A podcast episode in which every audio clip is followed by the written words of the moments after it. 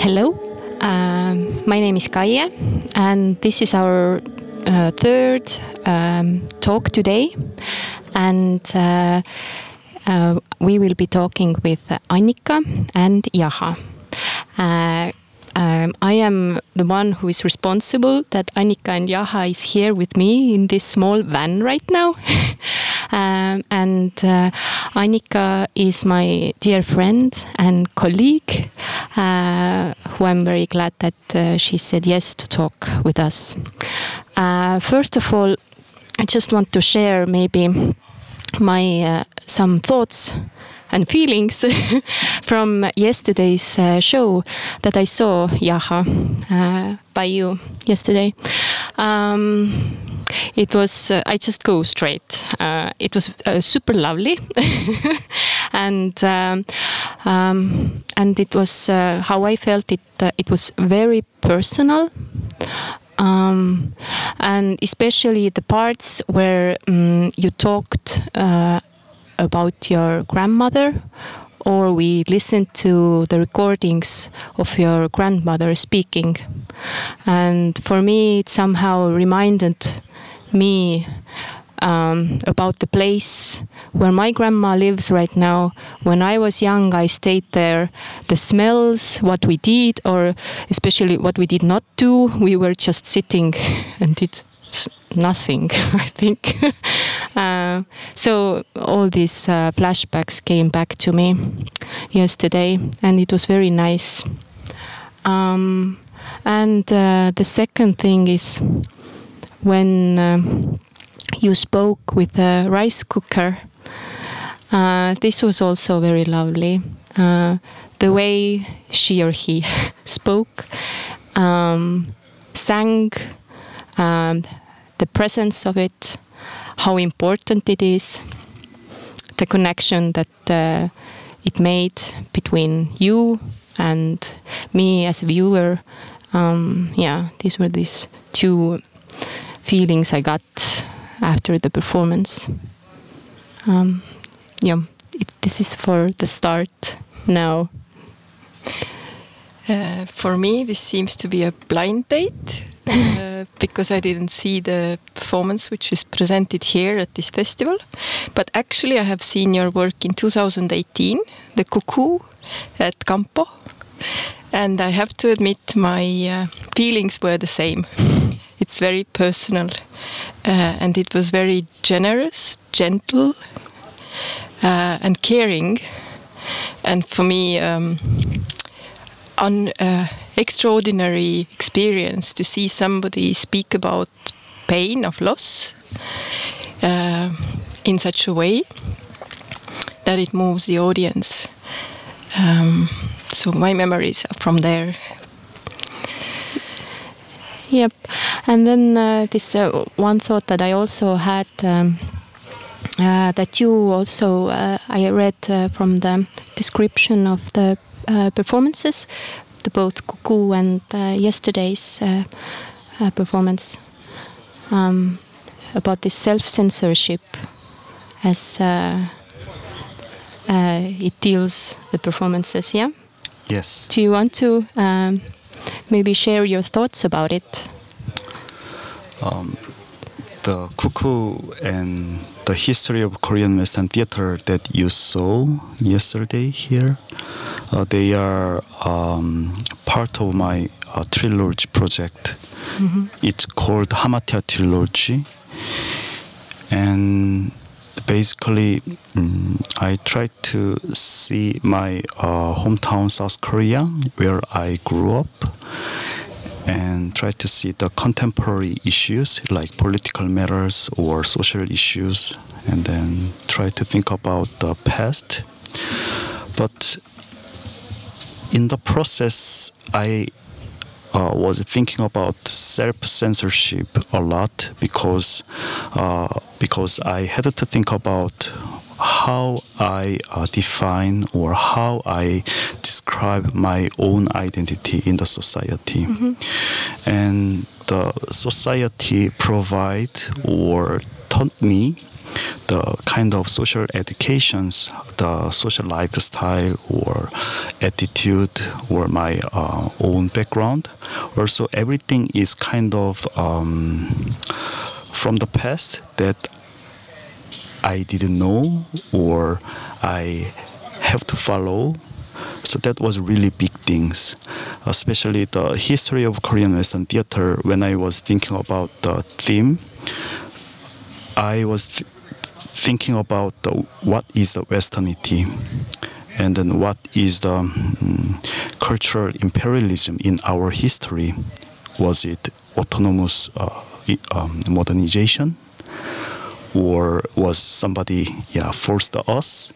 And then how i define my ide- identity? That's why i started to think about the self censorship of course uh, to define myself it can be also good uh, things but somehow the prejudice or education that i didn't want can force me uh, kind of uh, in negative way itself this is just self censorship what they want like from the society Yeah.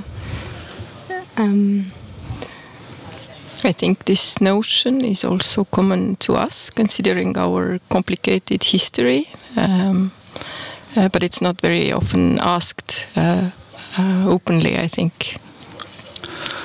um, when I was uh, talking about the history of Korean Western theater or Cuckoo in South Korea, there was some mm, stories uh, among uh, South Korean professionals or South Korean audiences, because um, basically I live in Europe, so uh, most of audiences I met they are Europeans. So people think uh, people can think you are um, using your own traditional your roots as a, um, your um, story. Um, uh, uh, how can I say story element? Yeah. Like like exotic ways, for example, and then mm, of course they can think in that way, but somehow uh, I told them then what is the future for us how to make our own uh, future the, with our own identity. That was a really big question to me and to them from me. And I want you to see the past clearly my, from myself, and also I want you to describe our present time based on my own background, and then I realized that I have diverse um, identities. What I learned from United States, the American culture, also European culture, or Japanese culture. At the same time, I learned many things from my grandmother. It's also kind of family roots. And then they are really mixed. And then I think they are uh, multiple um, roots can be my own future. So that was my identity. So that's why I didn't agree. Um, I'm using my own roots for uh, international audience because it's already kind of like already self censorship Yeah. in negative way. So I want you to define my own uh, Korean future or my jazz future, something like that. I also have to agree with you because I think your works have reached a level of generalization so that um, everybody can find their way to these topics. Um, so it's it's not only your culture or your relationship with your identity, but it brings the question of identity forward. I think it's um, uh, from uh, the uh, journey that I made the Hamartia trilogy. The, it was a very important that how I share my stories with international audiences because uh, it's not only for South Korean issues, it can be also local issues for all people, so it can be transformed into in different way or different storytelling but somehow everyone has that kind of experience or past so or thinking. So that's why um, yeah the the sharing my work in international level is very important for me But I was also curious how much chance do you have to show your work in Korea? Actually, uh, before I, I moved to Korea, uh, I moved to Europe in 2011, and before that, uh, I was already making my own work in South Korea. But um, it was not uh, introduced as a theater work. It was like uh, multimedia performance because basically I'm video maker, also music composer. So that was really struggling point actually. And then 2017, I came to South Korea with Cuckoo, and then I performed in a museum actually, not theater. Okay. And at that time, there were many stories also. But anyway, the um, Hamartia Trilogy only, yeah, Cuckoo was introduced in South Korea. And of course, we were uh, discussing to bring the history of Korean Western theater, but because of COVID situation, was not uh, happen yet. Okay. Um, so um, uh, in this trilogy, uh, as I understood, yeah, the first two you talked about the past and then the present, and then uh, yesterday's performance is about the future. Correct? Yes. Um, 2014, I uh, made a concept of the trilogy. At the time, uh, already I had the idea. The first piece, Rolling and Rolling, and second piece is Cuckoo, and third piece is the history of Korean Western, Western theater. And conceptually, um, how to end up in this project was really important uh, matter for me because I didn't want to stay in the past or present time only. So and then I was thinking the history of, of Korean Western theater could be a proper platform uh, to think about the future. Yeah. Yes. Ah, okay. Uh, we were also curious about your um, self-identifying uh, because when I was listening to your uh, uh, short clip on your website, and you said you're a theater maker, video artist, and composer. In which order these things uh, came to you? um, in the performance, the history of Korean Western theater, um, there are some stories already. Uh, I talked about it. I wanted to become a musician, but uh, I had to um, do the theater. Yes. so basically, uh, my artistic background was started from uh, music actually. After that, um, theater, and then after that, video, and then they are they are together uh, at the same time. But when I was making, I was I thought about um, what kind of um, live uh, performance that I want. Actually, it was performance work like theater, because I, I, I love to make music, but somehow how to make a link from music and with another or other elements like video work or installation work. That that's I like it. So that's why I think um, basically I'm I'm an artist who make live performance and I make my own elements uh, in diverse way like music, video, and installation or text. So that's the order I think. Yeah. I saw yesterday all this that you talked about this uh, symbiosis of music, text, uh, video. It was came together very well. Yeah, I had some um, random questions. Ah, yeah. No problem. Like, uh, what uh, moves you most right now? Move Moves, touches, Touches. um, in which way? bothers or makes you happy? Um, Something that makes you alive. uh, my family because I moved to Europe. It, at the time, mm, uh, I moved to Europe with my girlfriend, and then we made a family in Europe, and then we have a child, a two and a half year old, and that's the most yeah happiest and the important thing uh, these days. Yeah, it's kind of like I never experienced that kind of uh, powerful biggest motivation in my life actually. Yeah. Mm, It's beautiful. Beautiful. I go on with my random questions. Yes. Uh, what do you lack or miss most in life right now? lack, miss. Uh, also my family, because um, uh, I yeah I miss my uh, grandma yeah yeah and my grandpa yeah Are they alive? uh, no they passed away. Okay. Uh, my grandma passed away last year and my grandpa passed away this year so it's still very heavy and hard but mm, I'm getting better of course yeah. It's a process. It's a process, Yeah, yeah. natural process. Yes. Uh, do you have any secret passions? Mm, but if I say now, then it's not secret anymore. no? okay. Let's say then the passions besides this um, art field. um, I started my artistic career or artistic practice. Uh, it was started from non-theatrical um, practice, actually.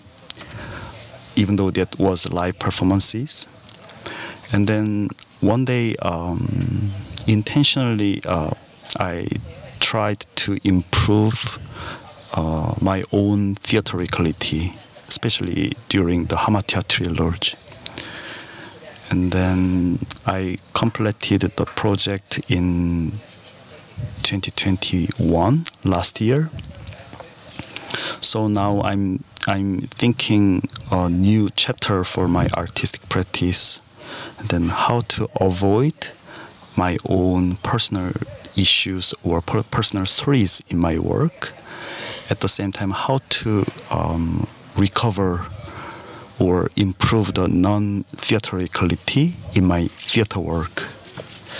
So in the future, I'd like to mm, make uh, more non-human uh, theater, uh, like musical work or opera. I don't know, but I want to improve my uh, artistic language with music and video.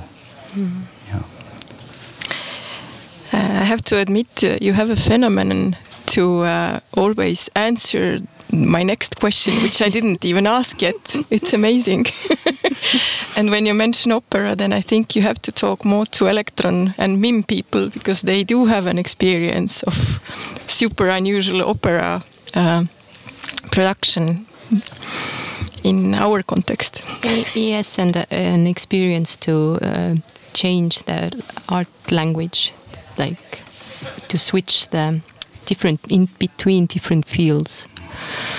Um, But I do have one more question Yeah. ready. Then let's see if Kaie has more. But I wanted actually to ask: Is there anything you would like to ask from us? Oh, oh, sorry, it's really sudden question for me. Good, finally. Yeah. but in this fan, there is kind of a rose perfume somewhere. rose perfume. Yeah, dry rose perfume. It's ah, really it might be the. um, Yeah. Sorry, it's too sudden answers. But yeah. Maybe there are some roses inside the van somewhere here.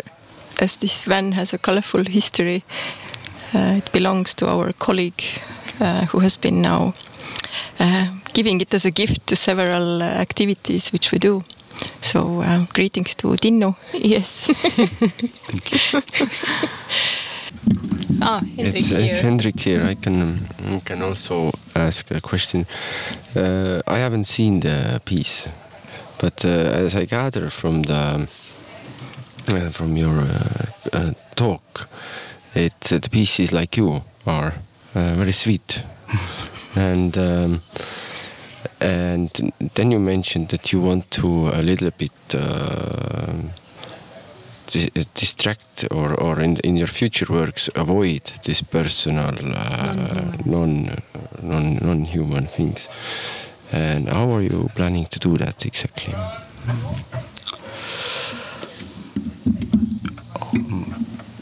The, my plan, the production plan. What, what, what's the what's the idea? How can you get away from yourself? Um, I, I don't know. Firstly, uh, I'm a little bit different style of worker in theater field actually, because I have to make lots of things uh, alone, making music and video text and then ideas. So I stay in the studio as much as possible, and then um, so many people are wondering what happened in, in the studio actually because they want me to bring every materials to the theater on the stage but uh, i need time so in that sense from this year um, already I, I i've been working alone but next year i'm planning to uh, premiere a new work. It's called Haribo Kimchi. Haribo is a jelly gummy bear, and kimchi is kimchi. And it's about food, and I'd like to use the food as a main topic and main medium. And then uh, there will be a tent bar on the stage, and then I will perform inside of tent bar. Yeah, and in that moment, in the in the opportunity, I'd like to uh, develop the kind of musical, um, uh, like DIY instrument maybe, or how to project my video with the tent bar, and then this kind of things. All is still going on. So next year, anyway, the premiere will be happen, and then after that, another uh, production will be launched and then it's already discussed uh, with my colleagues and then it's about uh, more like non-human musical opera things yeah. So food is the food yes Food. yeah Good. Sounds very good. Yes. How uh, how was your uh, childhood? um, my childhood Yes. um, um, a bit different actually because my parents were uh, both are both were working so my grandma took care for me and I spent with her for 11 years and at that time my grandpa um, was the uh, uh, managing director of the national park it means that we had to live in the national park so I spent lots of times in the forest or mountains or sea. So I missed people a lot at the time. So it was uh, you would say lonely. Um, not lonely, but yeah, because my grandma was a big part. But yes, maybe lonely. but yeah, yeah.